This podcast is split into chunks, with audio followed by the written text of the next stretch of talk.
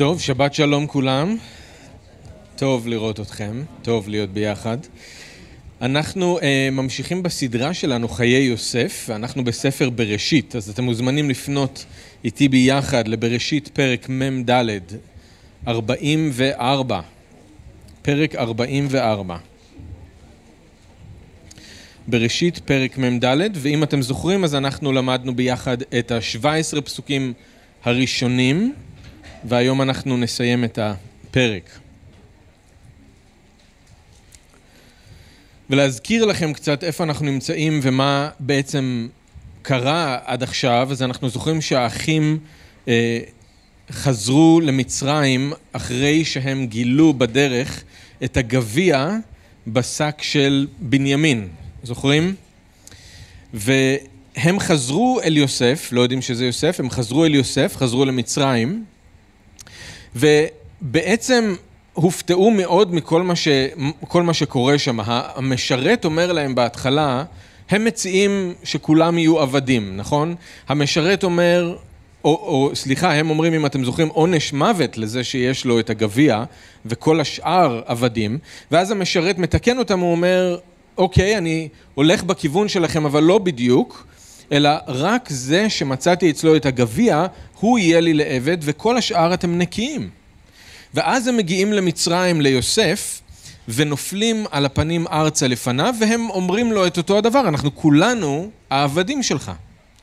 אבל אז הוא גם כן אומר להם את מה שהמשרת אמר, הוא אמר חלילה לי מעשות אה, דבר כזה, רק זה שהגביע נמצא אצלו, הוא יהיה לי לעבד. כל השאר אתם יכולים ללכת הביתה, חופשיים, חזרה לאבא שלכם, חזרה לכנען. ואתם זוכרים מה שאמרנו, שזה היה בעצם מבחן, זה המבחן האחרון, שהוא קורה פעמיים. פעמיים ניתנת להם ההזדמנות עוד פעם להפקיר את הבן המועדף, את הבן הצעיר. אבל זה עוד יותר מפתה הפעם בגלל שהם נקיים מאשמה. הם יכולים להיפטר מהאח הצעיר הפעם, אבל לא כמו שהיה עם יוסף, הם יכולים להיפטר ממנו וזה בסדר גמור, הם נקיים מאשמה, הם לא עשו שום דבר. כנראה שבנימין גנב את הגביע, אבל הם נקיים מאשמה. אז זה מאוד מפתה, ופעמיים הם צריכים לעמוד במבחן הזה, וכמו שראינו פעמיים, הם עומדים בו ולא מפקירים את אח שלהם. אבל זה נגמר ברגע שאנחנו לא יודעים, לא ידענו איך, לאן זה יתפתח, נכון? פתאום הוא אומר להם לא, רק זה שהגביע אצלו, אני אקח אותו להיות עבד, ושם עצרנו. אז עכשיו אנחנו ממשיכים ואנחנו מגיעים לאיזשהו אה, שיא, לאיזשהו קרשנדו בעלילה, ואתם אה, אולי חושבים שהשיא של העלילה זה כשיוסף מתגלה לאחים שלו, ואתם לא טועים, אבל יש פה עוד שיא שאנחנו מגיעים אליו היום, אוקיי? אז אה, אנחנו קוראים מפסוק 18. ויגש אליו יהודה ויאמר, בי אדוני, ידבר נא עבדך דבר באוזני אדוני, ואל יחר אפך בעבדך, כי כמוך כפרעה. אדוני שאל את עבדיו לאמור, היש לכם אב או אח? ונאמר אל אדוני, יש לנו אב זקן וילד זקונים קטן, ואחיו מת, ויוותר הוא לבדו לאמו ואביו אהבו. ותאמר אל עבדיך, הורידוהו אליי, ואשימה עיני עליו. ונאמר אל אדוני, לא יוכל הנער לעזוב את אביו, ועזב את אביו ומת. ותאמר אל עבדיך, אם לא ירד אחיכם הקטון איתכם, לא תוסיפון לראות פניי. ויהי כי עלינו אל עבדך, אבי, ונגד לו את דברי אדוני, ויאמר אבינו, שובו, שברו לנו מעט אוכל. ונאמר, לא נוכל לרדת, אם יש אחינו הקטון איתנו, וירדנו. כי לא נוכל לראות פני האיש, ואחינו הקטון איננו איתנו. ויאמר עבדך אבי אלינו, אתם ידעתם כי שניים ילדה לי אשתי. ויצא האחד מאיתי ואמר, ואומר, אך טרוף טרף, ולא ראיתי ועד הנה. ולקחתם גם את זה מעם פניי, וקראו אסון, והורדתם את שיבתי ברעש עולה. ועתה, כבואי אל עבדך אבי, והנער איננו איתנו, ונפשו קשורה בנפשו. והיה כראותו כי אין הנער ומת והורידו עבדיך את שיבת עבדך אבינו ביגון שאולה כי עבדך ערב את הנער מעם אבי לאמור, אם לא אביאנו אליך, וחטאתי לאבי כל הימים. ועתה, ישב נא עבדך תחת הנער, עבד לאדוני, והנער יעל עם אחיו. כי איך אעלה אל אבי, והנער איננו איתי, פן אראה ברע אשר ימצא את אבי. אז אבינו שבשמיים, אנחנו רוצים להודות לך שוב על דברך. אנחנו מודים לך שכל הכתוב נכתב ברוחך, אלוהים, ומועיל הוא להוראה, לתוכחה, לחינוך, לתיקון במעגלי צדק. אנחנו מודים לך שדברך מיישר את דרכנו לפנינו, אנחנו מודים לך שדברך מאיר את הדרך. אנחנו מבקשים שתעזור לנו, שהלב שלנו יהיה פתוח למה שאתה רוצה להגיד לנו דרך דברך. אנחנו רוצים שהמילים לא יישארו רק מילים על דף, אלא שבאמצעות רוחך אתה תחיה את דברך ותדבר אלינו, כל אחד מאיתנו, איפה שהוא נמצא, איפה שהיא נמצאת, כדי שנוכל להיצמד אליך יותר, להתקרב אליך יותר, להשתנות לדמות ישוע ולחיות חיים שהם רצויים לך, וגם כדי שנדע אותך יותר טוב. אז אנחנו מבקשים את הברכה שלך עלינו בשם ישוע. אמן. אז אחרי שיוסף, אם אתם זוכרים, אמרנו, היכה בסלע שוב ושוב, עכשיו אנחנו רואים את המים שיוצאים מהסלע. זה הנאום הכי ארוך בבראשית, אולי גם הכי מרגש, ודרך הנאום הזה אנחנו סוף סוף רואים את הלב הרך של יהודה ושל האחים שלו. הפרשן איי קלארק אמר על הקטע הזה שזה אולי אחד הנאומים העדינים והנוגעים ביותר שמישהו אי פעם כתב או אמר ושאנחנו לא צריכים להתפלא שכשיוסף שמע אותו הוא לא יכל להתאפק והוא פרץ בבכי.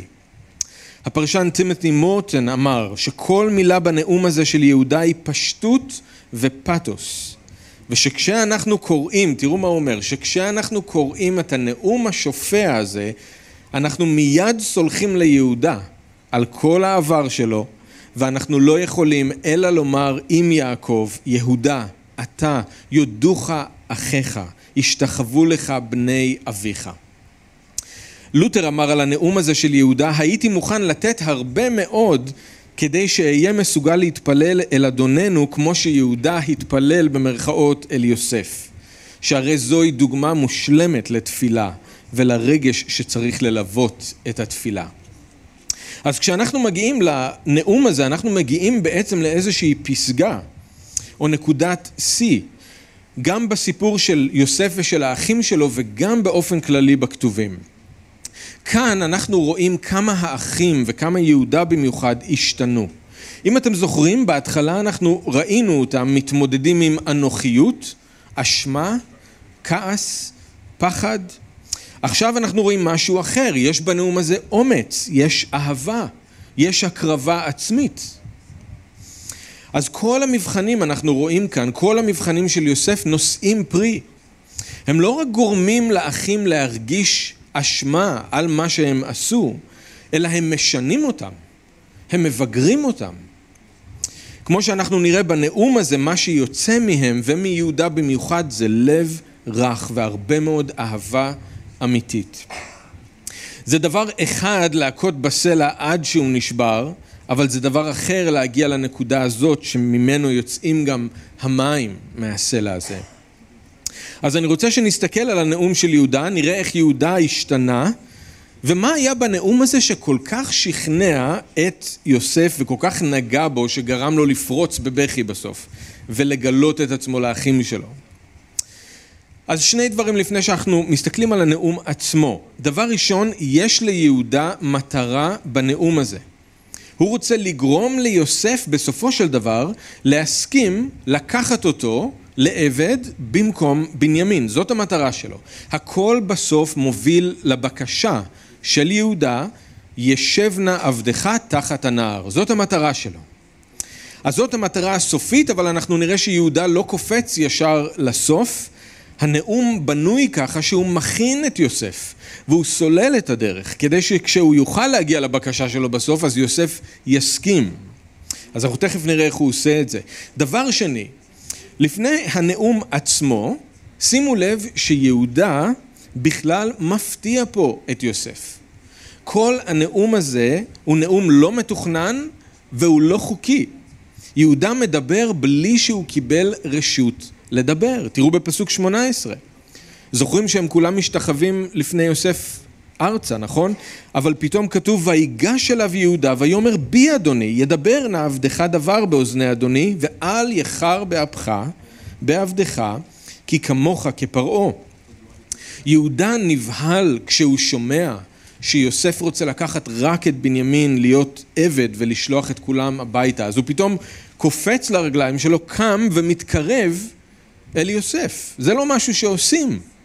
ואני בטוח שכל האחים מאוד נבהלו כשהם ראו אותו ניגש פתאום ליוסף. אולי, סביר להניח, היו שם כמה שומרי ראש שקפצו וניסו לעצור את יהודה. מדובר פה על נשיא מצרים, שני רק לפרעה. ואנחנו רואים שיהודה גם מבין את זה בגלל שהוא אומר שהוא מבקש ממנו שלא יכעס עליו. והוא אומר לו, אני יודע שלדבר איתך זה כמו לדבר עם פרעה בעצמו, אז הוא מבין מה זה אומר. מזכיר את אסתר ואחשורוש, נכון? למה היא אמרה וכאשר עבדתי עבדתי? כי אי אפשר סתם לגשת אל המלך, בלי הזמנה. גם כאן יהודה לוקח סיכון מאוד גדול והוא בוחר לעשות משהו אמיץ, משהו לא מתוכנן, אבל למה אני חושב שזה חשוב? כי זה רק מראה עד כמה זה היה אמיתי. זה נבע מהלב שלו, בלי שהוא תכנן. זה מראה כמה הוא היה נואש, זה מראה כמה זה היה חשוב לו, איך שהוא התנהג. אז אני רוצה שתזכרו את שני הדברים האלה כשאנחנו נכנסים אל תוך הנאום, בסדר? זה לא מתוכנן, זה שובר את המוסכמות, הוא עושה כאן משהו חריג, אבל המטרה של יוסף, של יהודה בסופו של דבר זה להגיע לבקשה הזאת בסוף הנאום ולגרום ליוסף להסכים. אוקיי, אז בואו נסתכל על הנאום עצמו. איך יהודה בונה את הנאום? איך הוא מגיע למקום הזה שיוסף יכול לשכנע, או שהוא יכול לגרום ליוסף לשכנע אותו להסכים לבקשה שלו.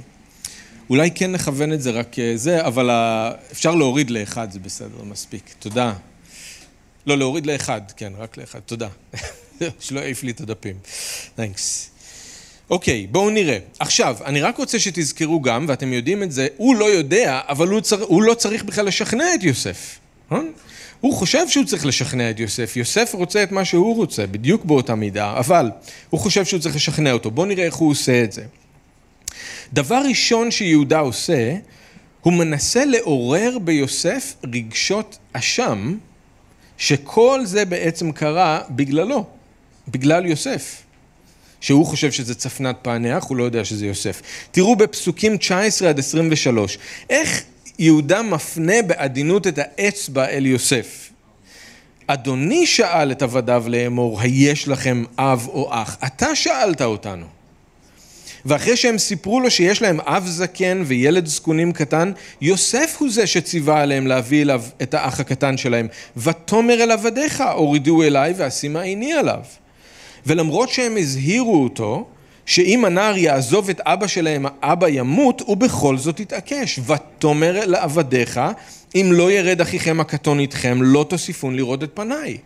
אתה שאלת, אתה אמרת, אתה התעקשת, למרות שאמרנו לך, מה יכול לקרות אם אנחנו נעשה את זה? מה יכול לקרות לאבא שלנו? אבל תראו איך יהודה מתחכם אפילו עוד יותר.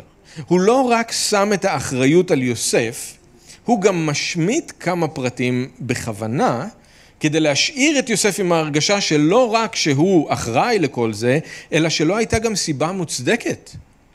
למשל, הוא לא מזכיר את זה בכלל שהאשימו אותם בריגול.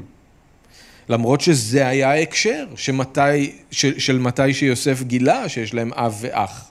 יוסף לא סתם שאל אותם, יש לכם אבא, יש לכם אח, ואז הוא סתם אמר להם לחזור עם האח הקטן שלהם, נכון? הם היו צריכים לחזור עם בנימין כדי להוכיח שהם אומרים אמת, וכדי להוכיח שהם לא מרגלים, אבל יהודה לא מזכיר את זה כאן, בכלל.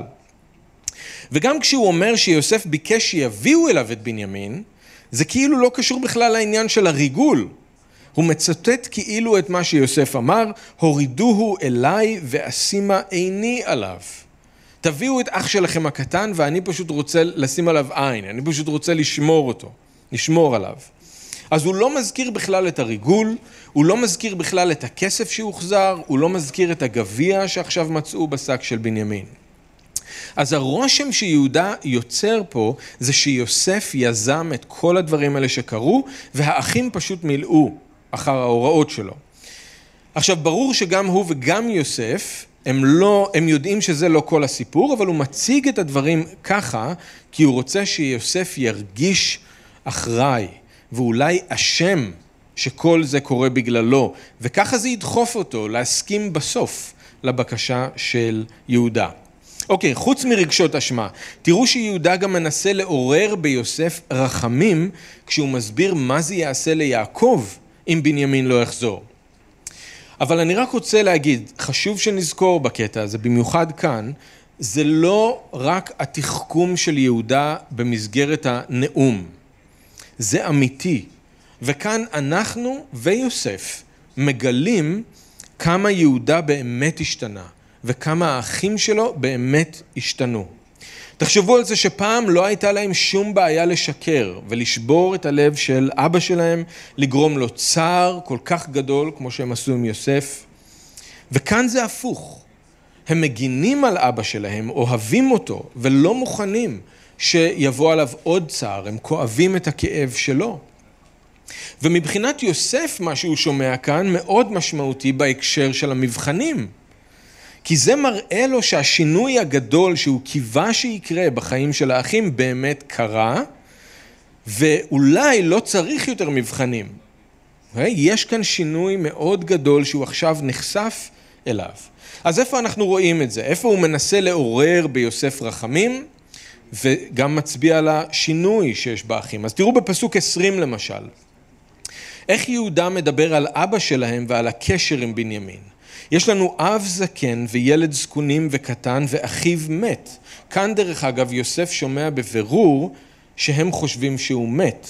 לא סתם שהוא איננו, כאילו שהוא נעדר, שזה מה שהם אמרו לפני כן. ויוותר הוא לבדו לאמו ואביו אהבו. ואז ב-22, נאמר אל אדוני לא יוכל הנער לעזוב את אביו, ועזב את אביו ומת. ובפסוקים 27 עד 29 יהודה מספר איך יעקב הגיב כשהוא שמע שהם צריכים לרדת למצרים עם בנימין. אתם ידעתם כי שניים ילדה לי אשתי, ויצא האחד מאיתי ואומר אך טרוף טורף, ולא ראיתי ודהנה. כאן יוסף מגלה איך אבא שלו חושב שהוא מת, שחיה טרפה אותו, את כל זה הוא לא ידע. ולקחתם גם את זה מעם פניי וקראו אסון והורדתם את שיבתי ברעש עולה. ואז בפסוקים 30-31 תראו איך יהודה מפחד ממה שיקרה אם הם יחזרו בלי בנימין. ואתה כבואי אל עבדך אבי והנער איננו איתנו ונפשו קשורה בנפשו. והיה כראותו כי אין הנער ומת והורידו עבדיך את שיבת עבדך אבינו ביגון שאולה. ואז בסוף בפסוק 34 כי איך אעלה אל אבי והנער איננו איתי פן אראה ברע אשר ימצא אבי. אז תראו איך האחים השתנו, תראו איך יהודה השתנה. הם לא נותרים טינה לבנימין, הם לא כועסים על אבא שלהם, הם לא מחפשים להיפטר מהבן המועדף. הם למדו לכאוב את הכאב של אבא שלהם, למדו לאהוב גם את אבא שלהם, גם את בנימין. וזה נראה שהם יעשו הכל כדי שאבא שלהם לא יצטרך לעבור שוב את מה שהוא עבר אז. אז זה מדהים איזה שינוי רואים שחל בהם, נכון? עכשיו יהודה מנסה לעורר את הרחמים של יוסף כדי שהוא, כמו שאמרנו, יסכים לבקשה שלו, אבל באותו זמן נותן לנו הזדמנות לראות איך הם השתנו. יהודה פה חושף את הלב הרך שלו ושל האחים, במיוחד ביחס שלהם כלפי יעקב.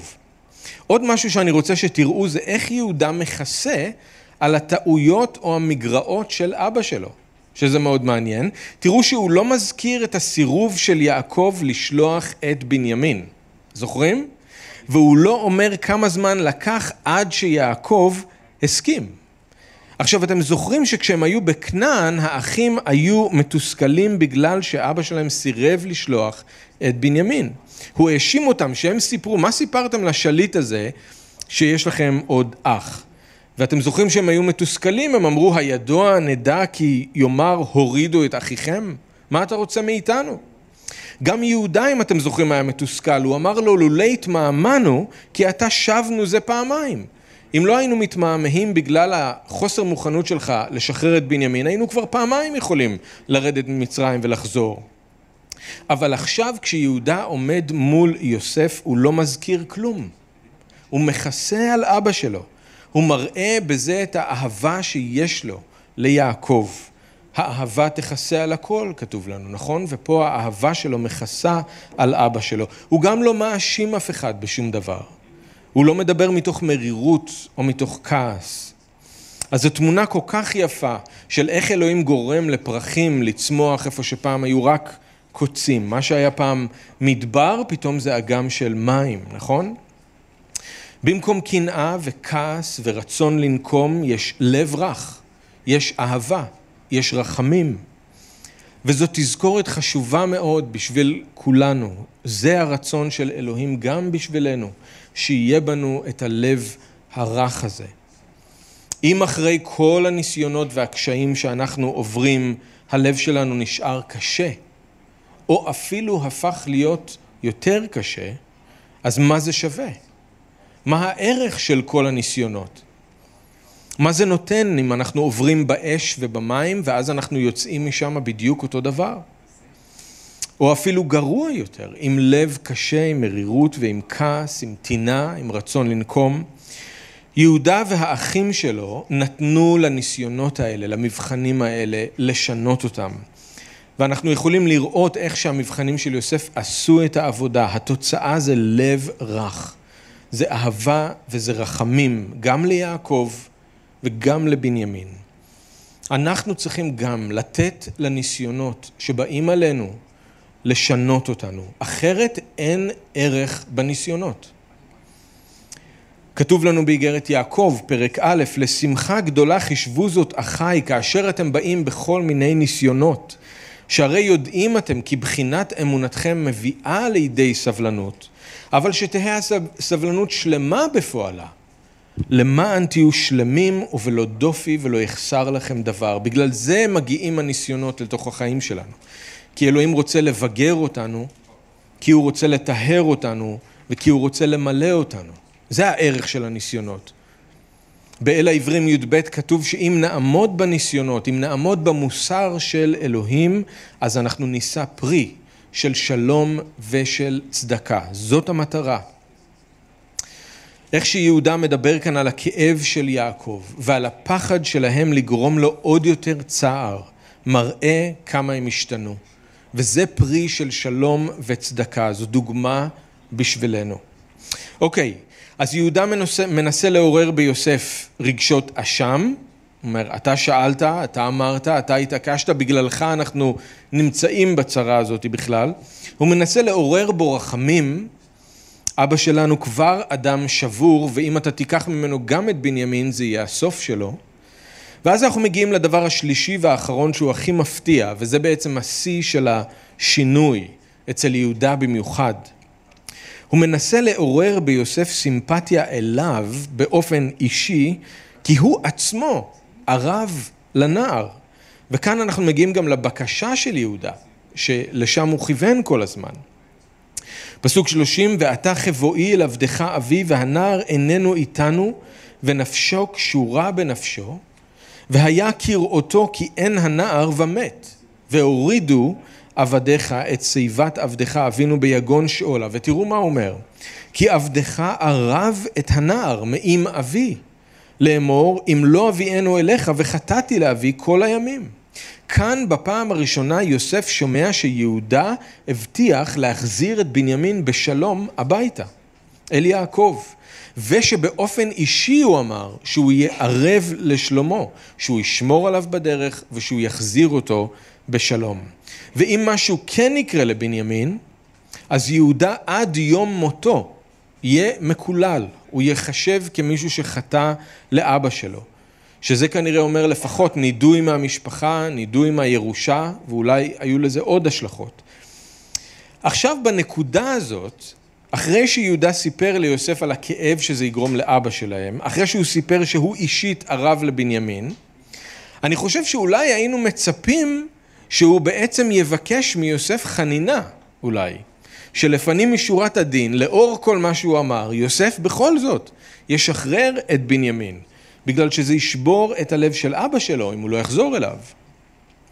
או שאולי יהודה היה יכול להציע מתנות מאוד יקרות, לנסות לפצות על הגניבה של הגביע, ככה לשכנע את יוסף לשחרר את בנימין.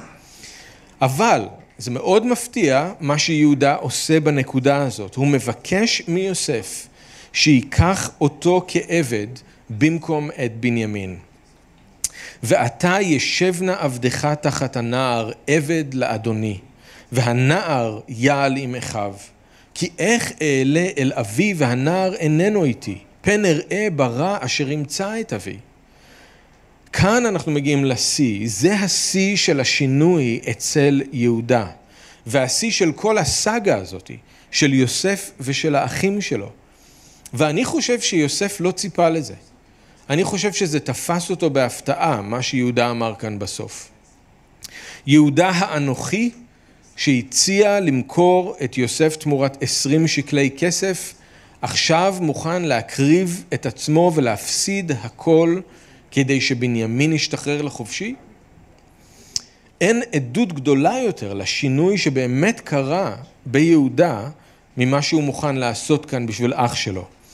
ואתם יודעים, אין הרבה אנשים בכתובים שהיו מוכנים לעשות משהו כזה, ויהודה הוא הראשון. יש את משה, אתם זוכרים שהוא הפגיע עבור ישראל בפרשת עגל הזהב, הוא אומר לאלוהים, ואתה אם תישא חטאתם, אם תסלח להם, ואם אין, אם אתה לא סולח להם, מחני נא מספרך אשר כתבת. או שתסלח להם, או שתיקח את החיים שלי במקומם. משה אומר לאלוהים.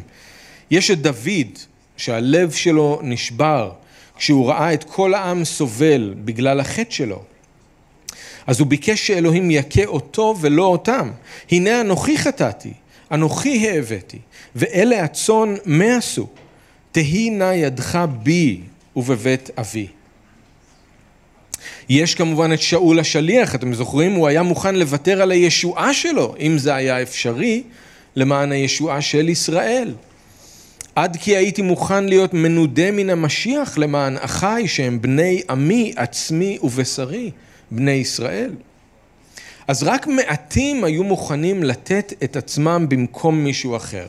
אבל לפני כולם היה יהודה. הוא היה הראשון שהיה מוכן להקריב את עצמו בשביל מישהו אחר. להקריב את עצמו כדי שבנימין ישתחרר לחופשי וכדי שאבא שלו לא ימות מצער. הוא היה הראשון. ומשהו שחשוב שנזכור, עד כמה שיהודה יודע, בנימין באמת אשם. הם כרגע לא יודעים שמישהו שם את הגביע בתוך השק של בנימין. הם, סביר להניח, חושבים שבנימין כנראה לקח את הגביע מתישהו כשהם לא שמו לב ושם את זה אצלו בשק. הם לא יודעים שהוא לא אשם. כמה שהם יודעים הוא אשם. אז לא רק שיהודה מוכן לתת את החיים שלו בשביל מישהו אחר, בשביל בנימין, הוא מוכן לתת את החיים שלו בשביל מישהו שהוא כנראה אשם. אז כשאנחנו מסתכלים על זה ככה, על יהודה שהיה הראשון שהיה מוכן לתת את החיים שלו בשביל מישהו אחר, בשביל אח שלו, שכנראה גם אשם ולא מגיע לו שיצילו אותו, אי אפשר שלא לחשוב על ישוע, שנתן את החיים שלו בשבילנו. וזה לא מפתיע אם חושבים על זה ככה, כמו שכתוב באל העברים שאדוננו צמח מיהודה, נכון? זה לא מפתיע.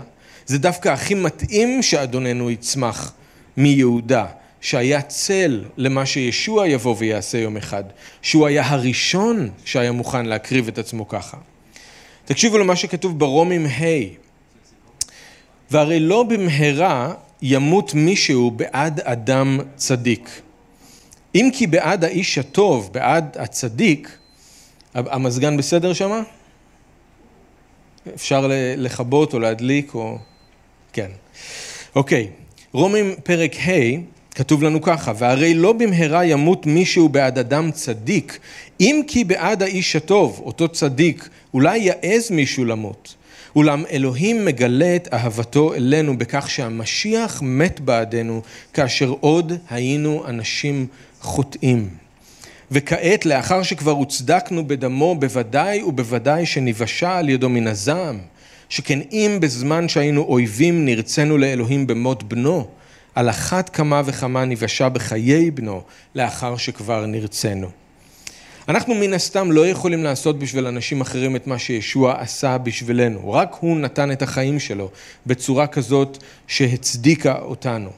אבל אנחנו כן אמורים ללמוד מהדוגמה שלו, של ישוע, ומהדוגמה של יהודה, ולאהוב אחד את השני ברוח הזאת.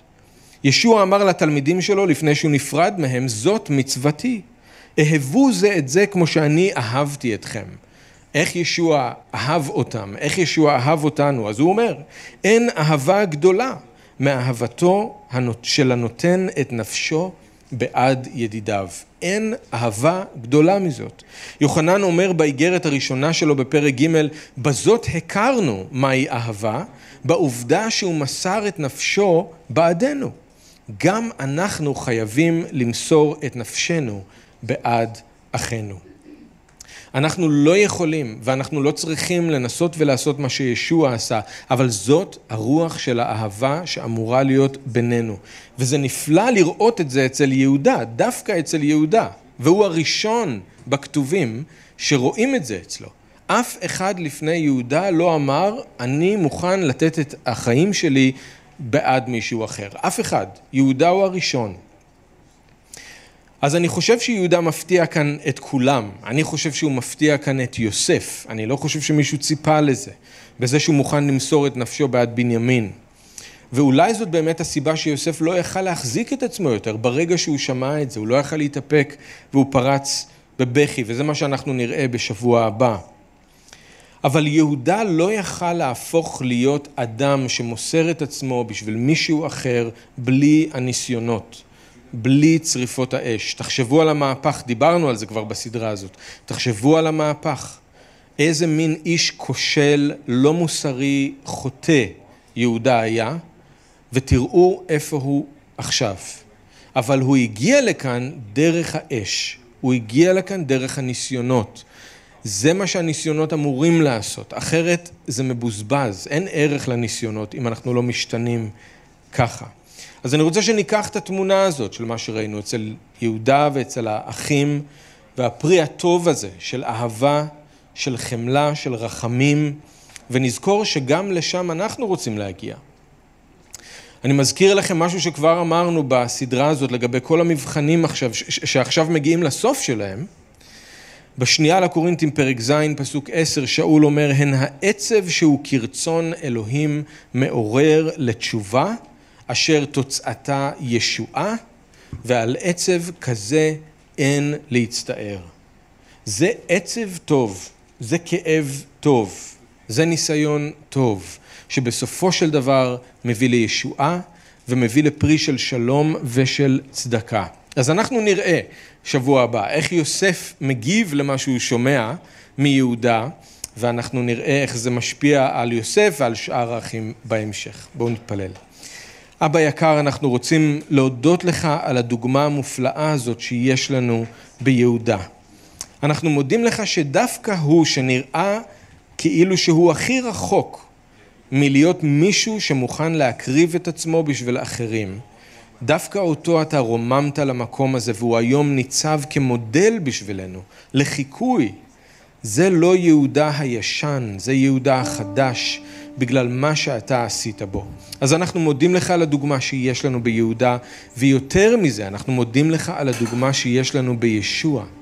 ואנחנו מבקשים ממך שתעזור לנו כל הזמן, שהתמונה הזאת תהיה לנגד עינינו, ושזאת תהיה השאיפה שלנו, להיות אנשים שיודעים לאהוב ככה, למסור את נפשנו בעד ידידינו. אנחנו מודים לך ומברכים אותך, בשמך ישוע. אמן.